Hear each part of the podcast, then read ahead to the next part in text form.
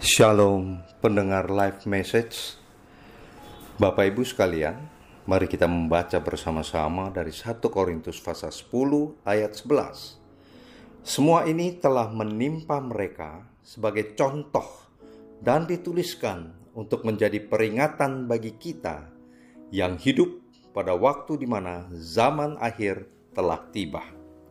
Bapak Ibu yang dikasih oleh Tuhan, jika kita membuka perikop dengan judul peringatan dari sejarah Israel yaitu dari 1 Korintus pasal 10 ayat 1 sampai dengan 13 maka kita dapat membaca beberapa hal yang dicatat oleh Alkitab yaitu pelanggaran-pelanggaran pemberontakan-pemberontakan yang dilakukan oleh bangsa Israel yang menyebabkan Allah murka sehingga membinasakan sebagian besar orang-orang Israel yang dibawa keluar dari Mesir.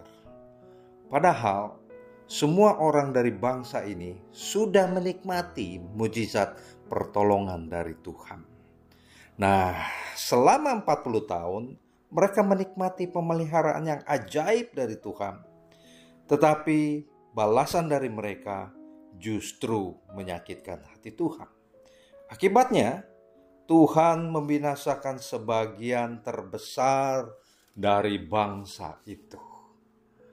Peristiwa dalam Perjanjian Lama yang coba dirilis kembali oleh Paulus dalam 1 Korintus pasal 10 ayat 11 ini hendaklah menjadi suatu pelajaran yang berharga bagi kita sekalian di masa kini.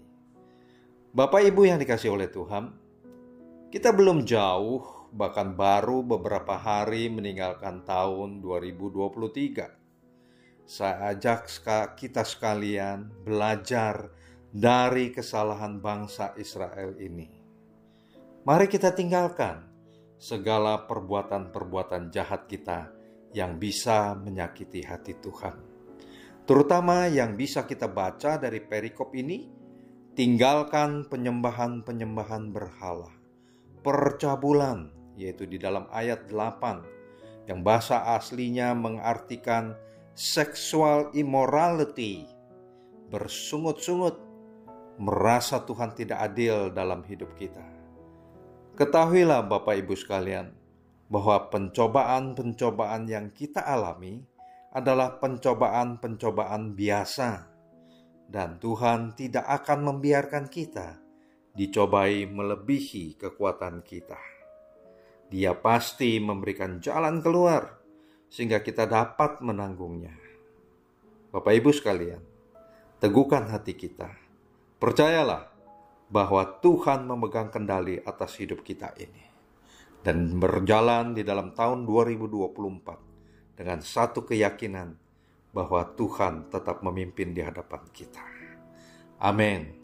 Tuhan selalu beserta dengan kita.